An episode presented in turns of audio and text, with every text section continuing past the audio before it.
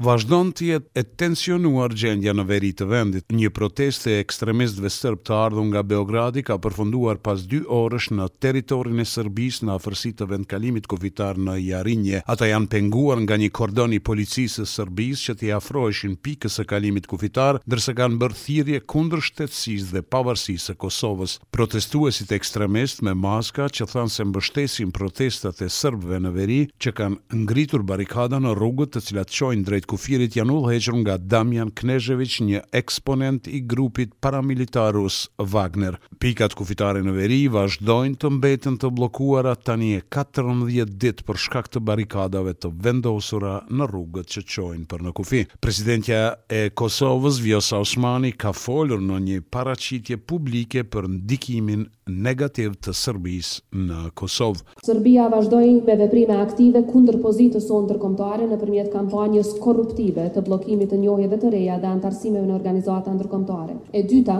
Serbia ka ndërmarrë veprime kundër rendit kushtetues duke cytur serbët në veri të braktisin institucionet e Republikës së Kosovës nëpërmjet kërcënimeve, detyrimeve, sulmeve, por edhe joshjeve. Ndërkaq ministri i Mbrojtjes, Armend Mehaj ka raportuar para Komisionit për Çështje të Sigurisë dhe Mbrojtjes pas situatës së krijuar në veri të Kosovës. Mehaj ka thënë se synimi i Ministrisë së Mbrojtjes, që ai drejton, është anëtarësimi i FSK-së në NATO. Ai ndër të tjera tha se Forca e Sigurisë së Kosovës është e përgatitur dhe e gatshme për ta mbrojtur sovranitetin e vendit. Serbia është çfarë është.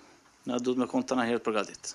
Asaj s'i besohet kurrë. Po na jena të përgatit, jena të gatshëm për me mbrojt vendin, çdo kohë kur do kërkohet.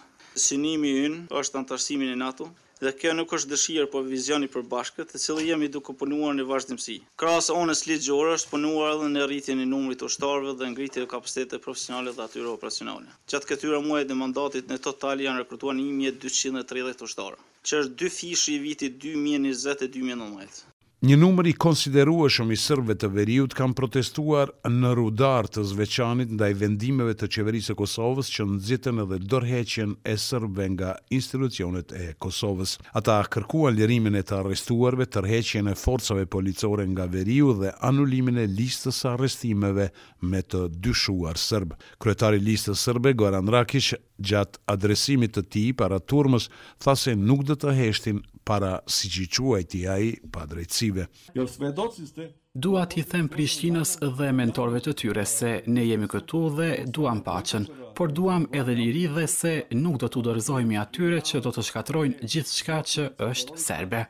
Deputetët opozitarë kanë diskutuar për situatën në veri të vendit. Deputeti i LDK-së, Anton Quni, ka kërkuar Qeverisë së Kosovës që të merret me gjendjen në veri.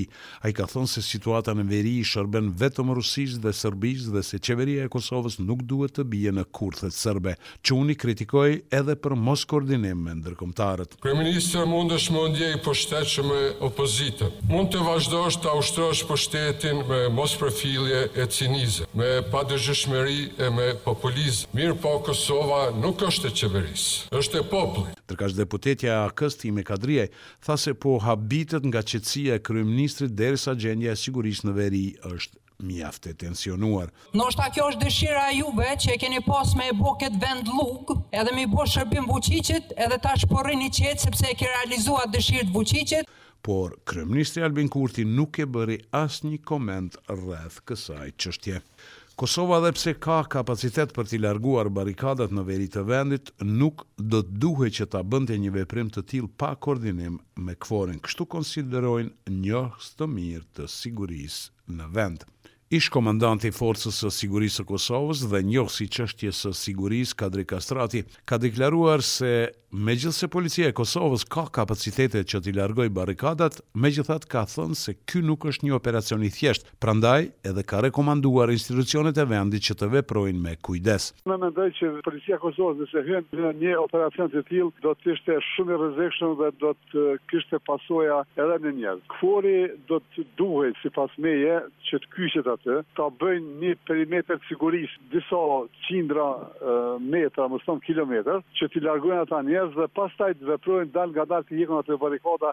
Eksperti i sigurisë Drizan Shala ka thënë se nuk duhet bërë asnjë veprim pa koordinim me KFOR-in pasi sipas tij e gjithë situata në veri të vendit ka ndodhur për shkak të moskoordinimit të institucioneve kosovare me ndërkombëtarët. Policia e Kosovës që në barrikadën e parë që është bërë në Rudare ka patur mundësi ta largojë, po çështja si niveli politik e ka leju dhe toleru veprime të tilla. Sidoqoftë, barrikadat në veri të vendit të vendosura nga sërbët lokalë për katërmbëdhjetë ditë me radhë i kanë bllokuar rrugët që shpijejnë në pikat kufitare Jarinjë, dhe Bërnjak. Me rastin e tridhjetë e tre vjetorit të themelimit të Lidhjes Demokratike të Kosovës, kryetari Lumir Abdixhiku dhe zyrtarë të tjerë partiakë kanë bërë homazhe te varri i ish-presidentit Ibrahim Rugova. Abdixhiku tha se rruga e presidentit Rugova dhe e LDK-së vazhdon të mbetet e njëjtë dhe se projekti i nisur tridhjetë e tri vjet më parë ende nuk është i përfunduar pasi Kosova duhet të bëhet anëtare e NATO-s dhe BE-së. Nisëm këtë ditë për të nderuar Presidentin historik të Republikës